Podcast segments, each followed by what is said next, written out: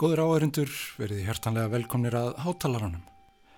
Það eru þau Unna Sveinbjarnadóttir, Helga Þóra Björgvinsdóttir, Þórun Ósk Marinastóttir og Sigurður Bjarki Gunnarsson sem er að spila fyrir okkur Stillshot eftir Daniel Bjarnason.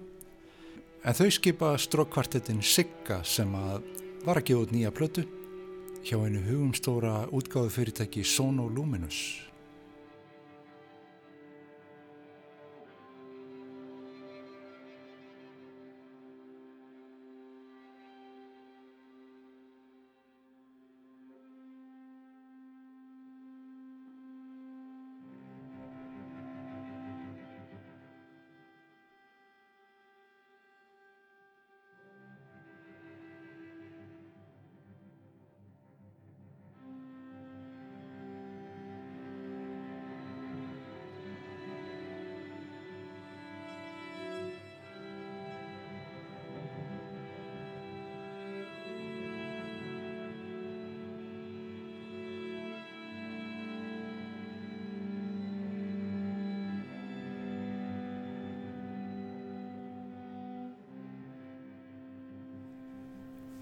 Ég hef króað af strengjakvartettin strókkvartettin Sigga, ég ætla nú ekki að brenna mig á þess aftur því að ég sagði einhver tíma strengjakvartettin Siggi og það varð allt brjálað.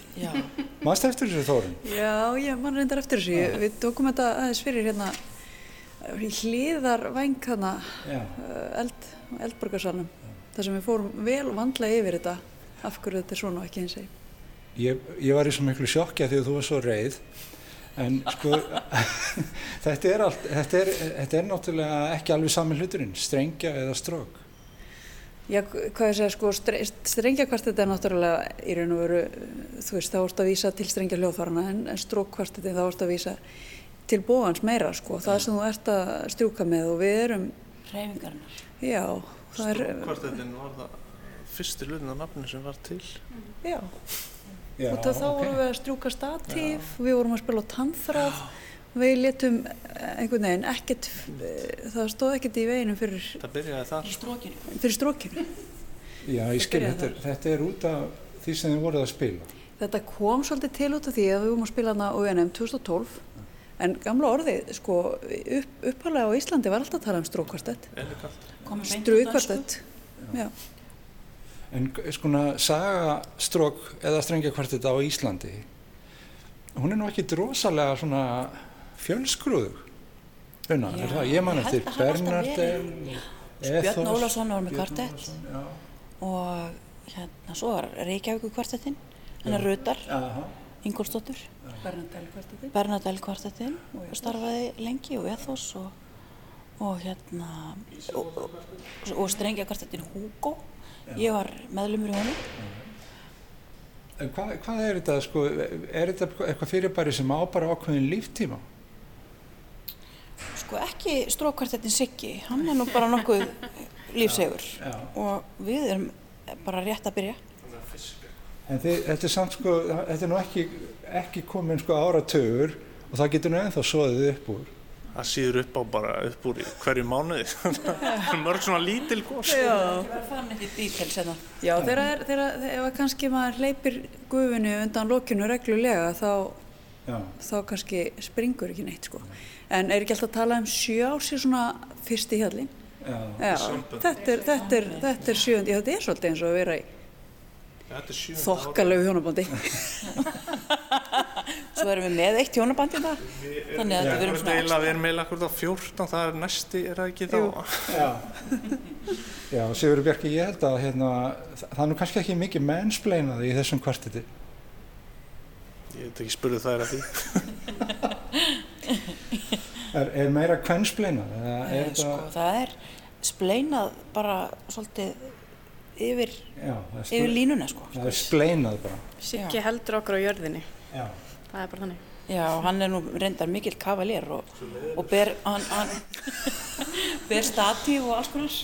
Og svo spilar hann líka lista vel og cello Kallmaðurinn spilar á þingsta hljóðfæri og held á statív Já, Já, ég reyndar við höldum kannski allar á statív þannig að séð En þið eru svona daldið að gefa það í skinn að, að þetta sé komið til að vera og þá verður þetta svona eins og Var það ekki Amadeus kvartetin sem að þeir tölvist ekki við? Og... Jú, ég bókuði sér hótel á sittkorum, sko, sittkoru hæðinni og svona, ekki? Við erum að reyna að komast ánga. Við erum að reyna að komast ánga. Við erum ekki alveg nú reynskilinn.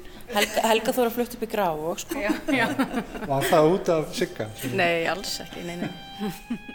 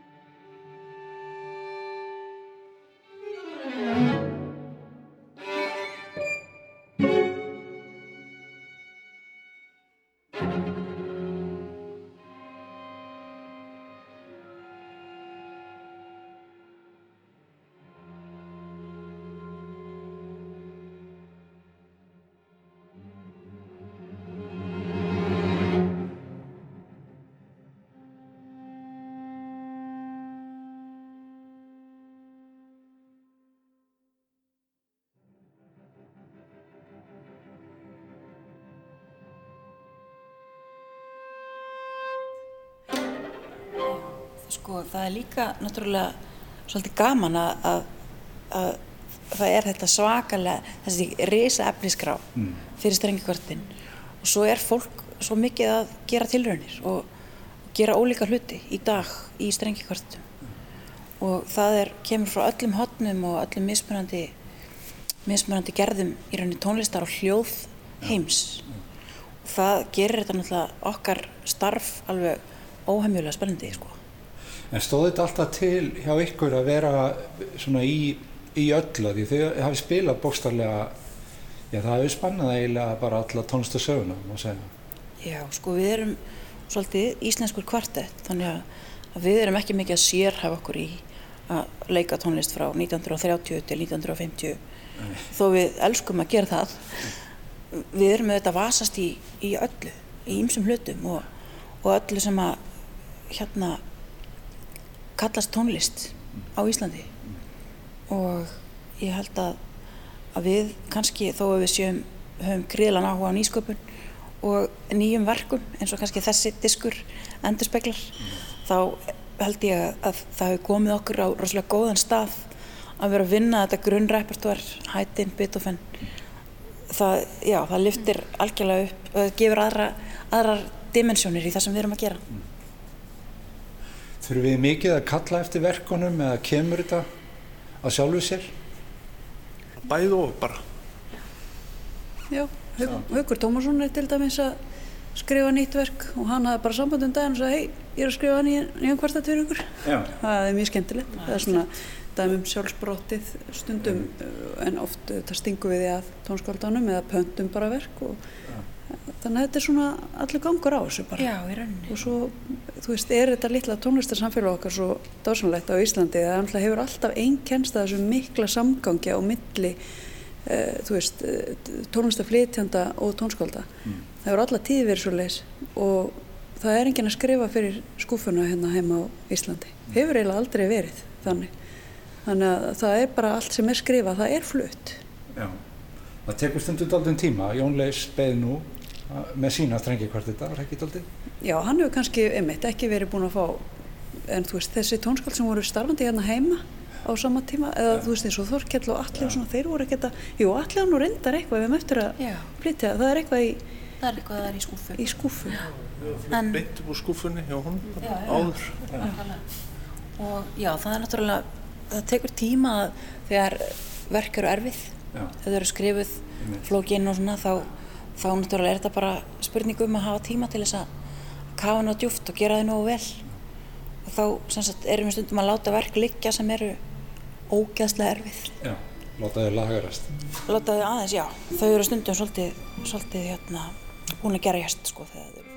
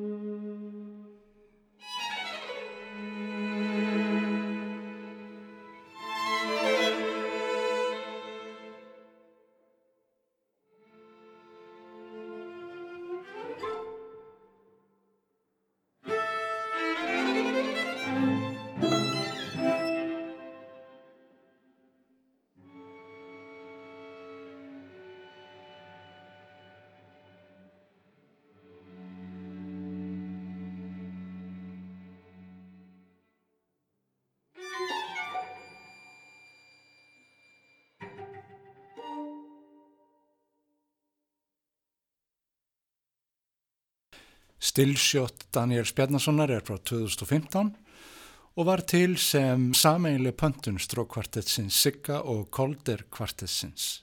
Eh, og við semst frumflutum það hér og uh, það er verk sem við höfum spilað mjög mikið og, og hérna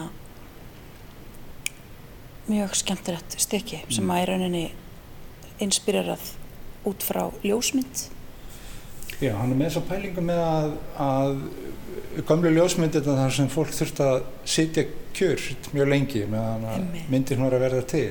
Og var mjög svona kannski alvöru gefið svip. Og er eitthvað svipað að spila þetta? Er þið svona... Bæði og. Þurfum við að vera svona doldið... Pokerfeist. Svolítið. Já. Þetta er alveg, ég myndi að segja þetta, það er erfitt að spila það. Já, og það er að setja sig í karakter og það er mjög svona snögg skipti. Þannig en heilmikið húmórið líka mm. og alltaf stoppar alltaf reglulega sko. veist, það, það er eins og, eins og ný, ný uppstilling og síðan kemur stopp ja.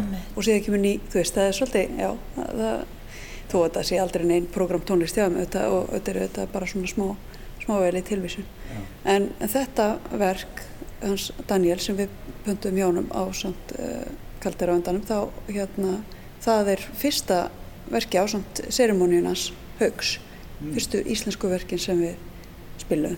Ja. Þá vorum við bara rétt að byrja og þá vissi ég að Haugur væri að skrifa, væri búin að skrifa kvartett sem átti eftir að flytja og, og hérna þannig að hann varð svona líka okkar stykki á endanum sko. Ja. Þannig er á þessari plötu líka. Akkurat, þið opnið og lokið með þessum teimur. Já, nokkulega.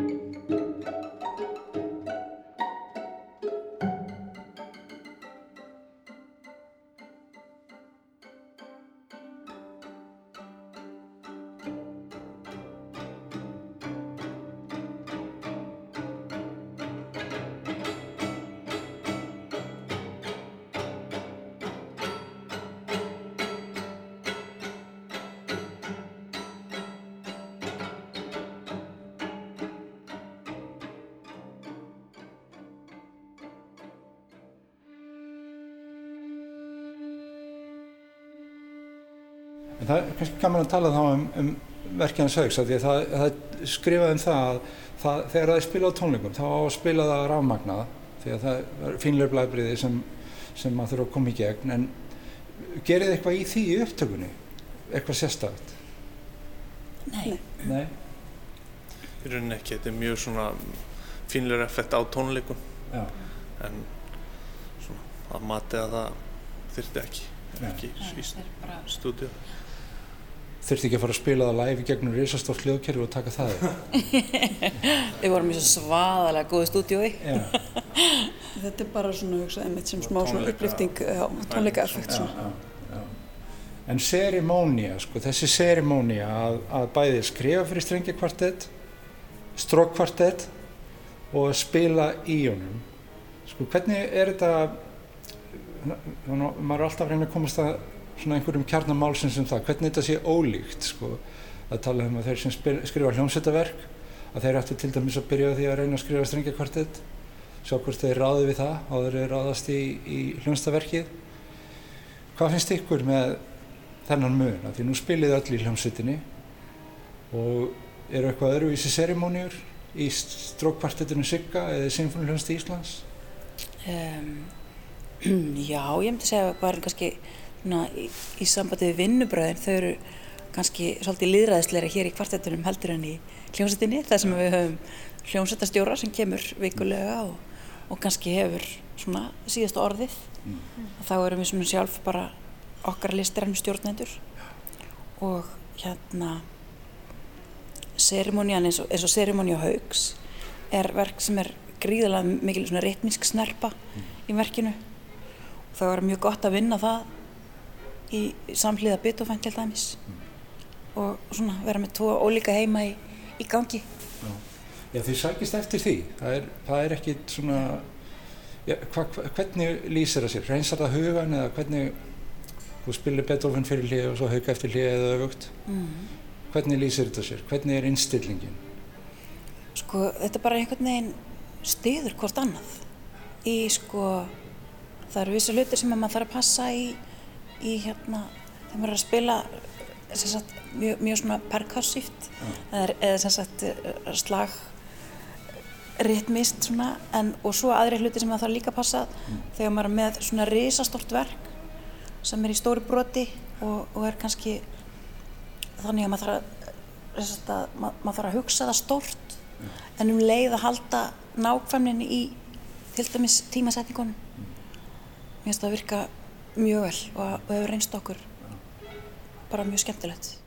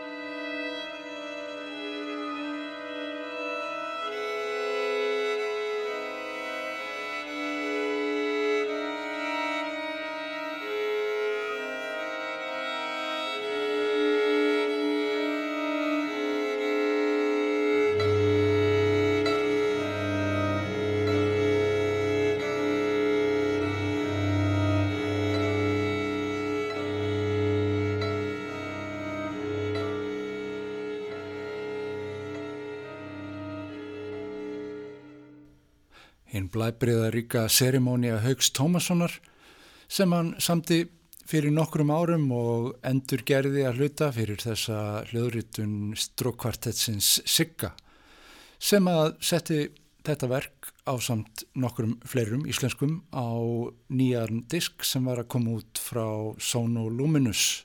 Hinnu hugumstóra útgáðufyrirtæki lefi ég mér að segja og ég velta aðeins fyrir mér með meðlimum kvartetsins hvernig stæði á þessum áhuga Luminous á íslenskri tónlist. Hvað, hvað er þetta með hérna Sono Luminous? Sko? Hvað, hvað er það sem að þeir heyra í íslenskri tónlist? Átti þið ykkur á því? að það er ekki, nú efast maður ekki um að hún er príðileg og, og fín og, og svona en sko akkur eru þeir að einbita sér svona þessu, áttið ykkur á hvað það er, hafið þið talað um það við upptökustjórarna? Já, svolítið, ég held að þetta sé svolítið það er þetta landfræðilega approach, held Já. ég, svolítið Svona náttúru tilvísanir allar og svona Já. þeir tengjast einhvern veginn Já.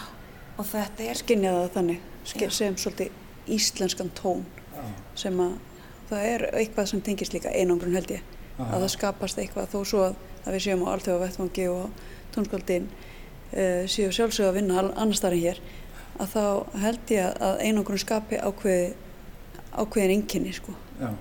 í öllu. Karakter veist, þjóðar og, og þar leðandi tónlistar og listsköpunar og öllu leiti og okkur fannst líka, við vorum alltaf rosalega meðutuð eitthvað neinn hvar við vorum þegar við vorum að spila þetta prógram og, mm. og í rauninni eins og titill hérna disksins vísar til South of the Circle já. sunnan rings eða sunnan í rauninni heimsköldsböks og hérna og við vorum á Seltetanesi hjá Míu og Marketu mm -hmm. í Master Key stúdíónu það var indislegt að vinna þar með bara esjun út um glöggan og, og hérna byrjuðum alltaf bara á græmmetisúpu og, og hérna svo er bara talið í sko. Já. Það er að því þið nefnir svona náttúruna sko, það var náttúrulega, það eru allavega tvær mjög skýrar tilvísanir, það er, það er hérna verkið hennar Mamigó, Dísar, það sem að er unnið með, eða út frá hugmyndum með myndlist Ægils Péturssonar og hún er svona að vísa í tröllaskagan og, mm. og, og hérna, sagt, það er svona litapalletta sem hún Já. ákveður. Hvernig, heyriði ja, finnið þið fyrir þessum litapælingum heyrið þið liti eða músiki í litum Já, mér finnst ég gera það sko og emmi, þetta er, merkar mjög að mínu mati mjög svona mosa mm -hmm. þetta er svona mosa breyða alveg endalaus og, og hérna endalaus langir frasar og, og svona mikil dítel inn á milli og hérna og þetta er örgulega svona mest hérna sko af því sem Mamiko hefur skrifað hún er skemmtilegur mínimalisti alveg sér á, á parti sko mm. og hérna hún mér finnst þetta að vera það svona kannski það verk sem hún, hún, hún setur sér mjög stránga skorður þegar hún er að vinna verkið sem, sem líka kannski áfram setur okkur strángar skorður við þurfum að horfa gríðarlega mikið áfram ja. í verkinu og, og hérna, það var, það var mikið, mikið, mikil áskorun Já. að vinna þetta verk. En þurftu þið eitthvað, sko, er, er þetta svona eins og stubbarnir, ég er gulur og ég er græn, eða hvernig, hvernig... Séð hafði það bara ákveðin lit og já, það var já, þannig, sko, hún, hún, já, það er þannig, sko, hún, hún bara setur lit á hver, hverja nótu fyrir sig og þannig að það er alveg gaman að, að vita hvað maður er að spila, sko, bláan eða rauðan. Og voruð þið sammála eða pælið ekki í þessu? maður er heilt þetta hjá fólki, ég er, sko, sé ekki litið þegar ég er í músík. Já, og þú menna, sko, ég það er náttúrulega verið sem hún er búin að setja litina á nótuna, sko. Já. Þannig að, þú veist, þá... Þannig að það, það myndar okkur, sko, það er alveg gaman að, þú veist, átt að sjá, þegar maður er dæmis rauðan þráði gegnum eitthvað stef, mm. það sem er sí endur tekið nota, og maður veit í hvaða lit mammigur og svona, þá eh, gefur það þetta ákveðna mynd, það er, það er svolítið skemmtilegt. En jú, jú það, ég hef einhvern veginn unnið í kvartet einhvern tjónut í Belgíu sem var að vinna með dans, dönsunum þar, þar sem að þeir töluðu bara í þessu og þessu höfum þennan frasa aðeins brunni. Það spilaði þetta svolítið blátt. Það var, það var alveg svona sérupplöfum, þú veist, það, þú veist, um leið og byrjar að tala í litum, þá, þú veist, ferða að setja liti ákveðin svona eh, blæbriði og sound sem þú getur kannski ekki líst öðruvísi að þá náttúrulega þú getur búið til svona það verður svona svo leinimál þá. Við þurftum að samræma líka í Mamik og mitt milli hljóðfærana hvernig, hvort, hvort það var smá sólskinn þarna og hva, hvað við vorum að gera. Það var mjög gaman sko og, og, og hérna við erum mjög ánægð með útkomina Og er þetta svona þá, þetta er ekki nógu grænt eða þetta þarf að vera gular? Aðeins meiri svona mosagrænan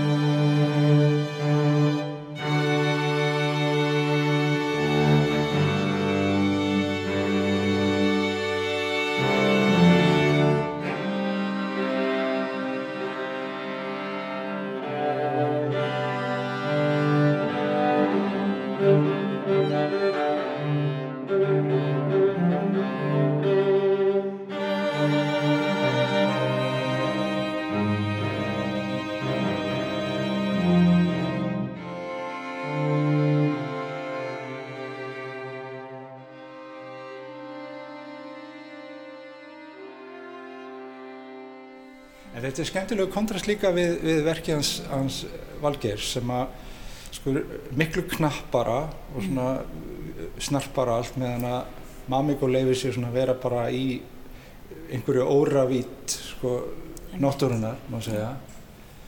Þannig að það er velhæfnaður kontrast líka en, en sko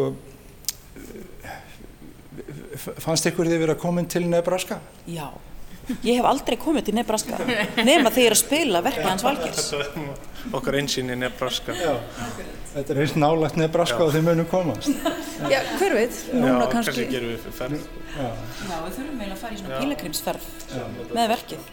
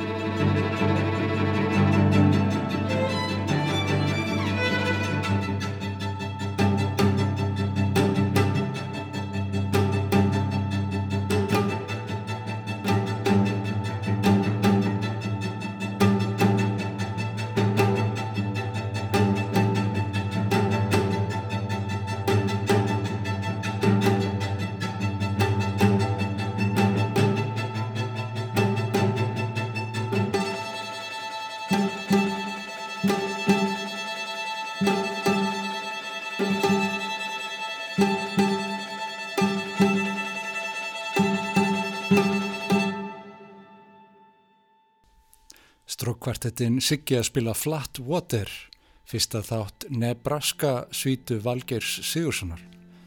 Og það er gaman að segja frá því að tónlist Valgeirs var að vekja heilmikla aðtikli á Rostrum hátíðinni sem að fór fram í Argentínu á dögunum og þar voru kynnt verk hans á samt fleiri íslenskum verkum og við fáum að heyra meira af því hér á Ráseitt á næstunni.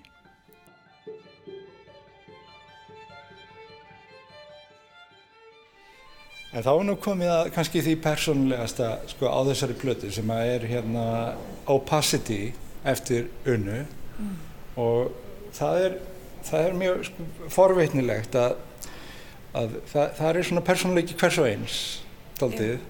ekki satt, eða, eða hvað, sko, Helga Þóra Björgvinsdóttir, það er hérna, það, það talað um sko aðra feilu en maður spyr sér sko í strengjakvartir það er ekki bara önnur fila og svo hinn en, en þetta er svona þinn kabli heitir Mór eða meira Já. og er, er þetta svona örlög þess sem spilar aðra filuna að vilja alltaf meira? Nei, alls ekki sko. Hérna sko Una var bara uh, svo góð að lega mér að spila sólóið í þessum kabla Svo góð, já. og svo heppin. Heppin að þú spilaði það Já, hún treysti mér fyrir þessu, ég var mjög þakklátt hérna, Nei, nei, önnufél er alltaf sátt. Já. sátt við sitt, sko. Já, hún veit náttúrulega, sko, það er meira undir. Já, það er erfið að veit, spila læri röttina er það ekki? Jú, hún veit alveg, svo sannarlega. Hún hefur síðast orðið. Mm, Já. En sko, meira af hverju, af hverju meira? Er þetta sko aðstæða hugsun Helguþóru eða hvað varst að pæla? Mm, sko þetta er hérna eldra í rauninni í grunninn etíða eh, eldra verk og hérna sem ég setti inn í Opacity. Mm. og hérna og í upphafið hétt þetta verk More Links sem var einhvers konar hérna orðaleikur. Þá hugsaði ég meiri vinstri links á þýsku. Já, og hérna ég man nú ekki eins og niður hvað af hverju og það er kannski óþarf að rifja þau mm. Eh, en hérna en sem sagt þetta var sem sagt skrifað sem upphitunaræfing í, í upphafi sagt upphaflega útgafa, ekki þessi útgafa en, en sagt uh, bara fyrir fyrirleikara í mikilli hérna, tímaþröng og, og þetta er svona frekar alliða myndi ég segja, það er ekki helga vinstri handar Jú, ég manna að þú sagði mér að þú hefði samið þetta með fjórðabuttan sérstaklega í huga. Emmi. Það er hérna styrkja fjórðabuttan. Já. Gerst mikið fyrir mig. Svo, já, svo, en það er ótrúlega gaman að spila þennan kapla. Mm. Hann er æðislegur, hann er mjög stuttur, en það gerist mjög mikið já. í hann og hérna, og millikablin er hérna mjög svona lagrætt og hérna, en maður fær samt að, að ferðast um allt fingrabretti á hérna nokkrum sekundum.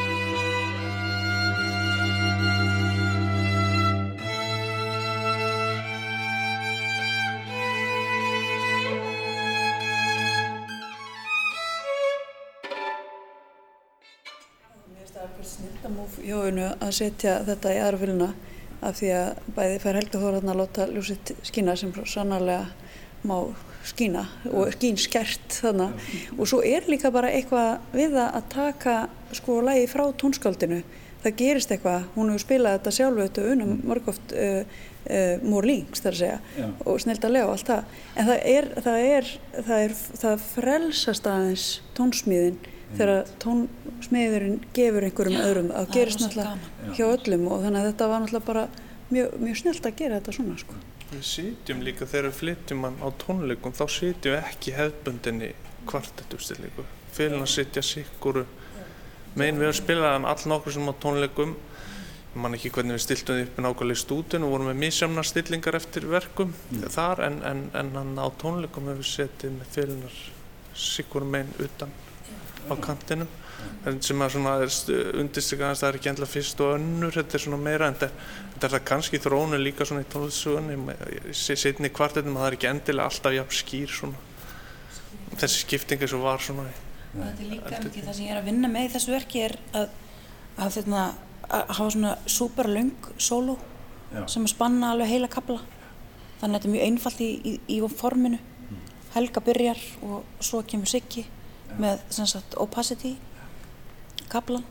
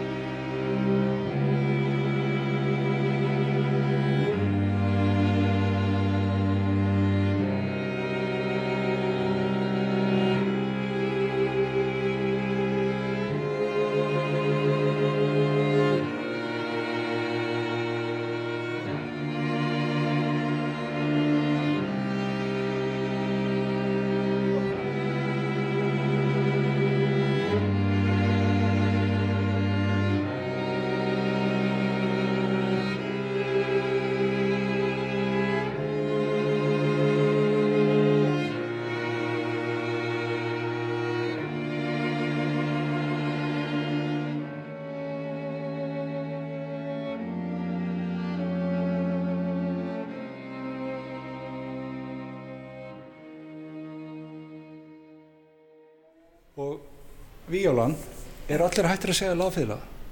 Uh, nei, Sigurger, hann þrjóskastuð. Já. Já, hann segir alltaf lágfíla. Í Reykjóltið þá er alltaf lágfílur að spila. Já. En hérna, það... Annars þar á landinu eru Víóla. Já. Líklega ennþá með lágfílu. Þeir eru ennþá með knefílu, jáfnveg. Já, jáfnveg. sko, mér er alltaf þótt Víóla að vera bara miklu fallera orð, sko. Og ég er bara fjóla, þá frekar en, en lágfíla. En hérna en, en já Það fara að kalla þið fjólu bara. Já, en já, já, víulan, já. Jú, láfélag, það er alveg allir gangu bara. Já. það má alveg líka. En þú fær elegíuna að passa nú vel við, við víuluna að spila mm. svona trega, tregaljóð. Já, um meitt, þetta er, þetta er töff jáni, unnu þetta er hérna töff lína sem maður má fara frjálslega með og, og, og gaman. Bara ekta víulumúsík bara einhvern veginn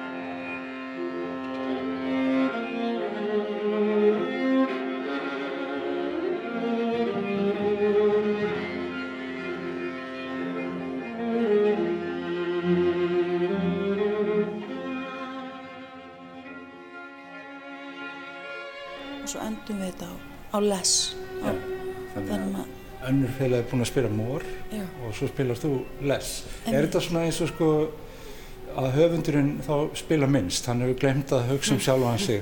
Eins og lítilátur eins og lítilátur eða eins og í flugulunum hann glemt að setja grímun á sig áður en hann hjálpaði öðru. Hann náðu ekki alveg klára að skrifa þetta allt út þetta er svona alveg það reynda að byrjaði þannig að það var mjög svona á fyrstu tónleikunum var mjög svona hérna stokkið út í djúbulauina með Já, má segja að við höfum svolítið hjálpast að kannski á fyrstu tónleikonum með að klára verkið.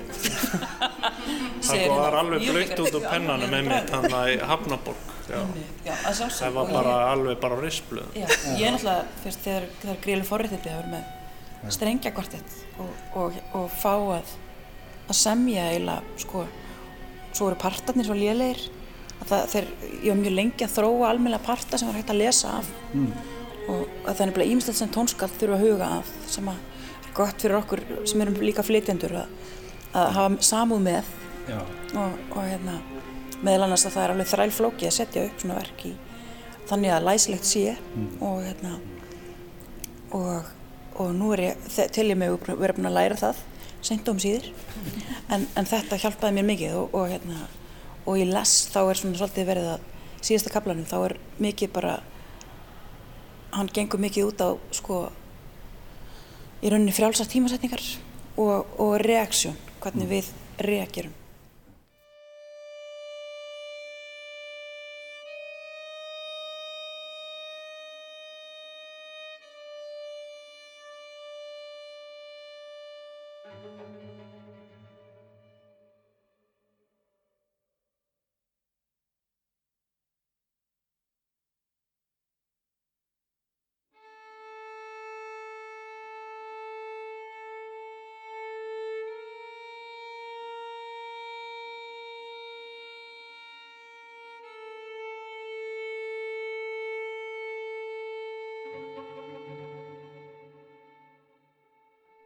Getur þá hvaða kvartett sem er spilað þetta? Já. Er þetta ekki bundið svona einstaklingunum í þessum kvartetti? Nei, nei, það getur hvaða kvartett sem er spilað þetta. Þetta er kannski ekki orðað nákvæmlega svona. það getur hvaða kvartett sem er spreytt sig á þessu. Spreytt sig á þessu, algjörlega. Já, þannig að þetta er ekki, þetta er ekki svona, þetta er ekki mannlýsingar þannig. Nei, nei. Nei. Kannski meira karakter hvers meðlims í hvaða strengi kvartett sem er er Allir, all verk sé ekki bara svolítið þannig? Að, að maður setur part einhvern veginn, part af, af sálu sinni í, að veði. Og, og sendir út í út í hérna út í heiminn út í hljóðheiminn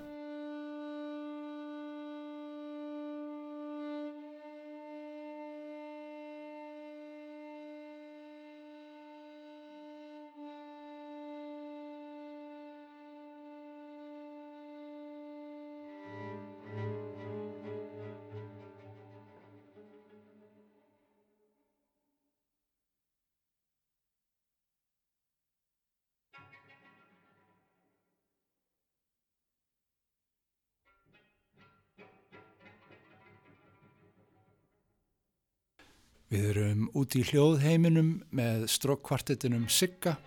Þau eru að spila hér Þygt eða Opacity eftir Unnu Sveibjarnadóttur sem spilar á fylgu á samt Helgu Þóru Björgvinsdóttur í þessum kvartetti. Þórun Ósk Marinósdóttur á víólu og Sigurður Bjarki Gunnarsson á selvo.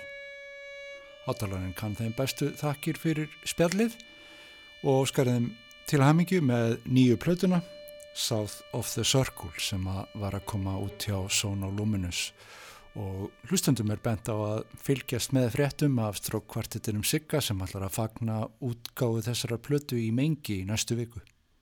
Takk fyrir að hlusta hátalaran.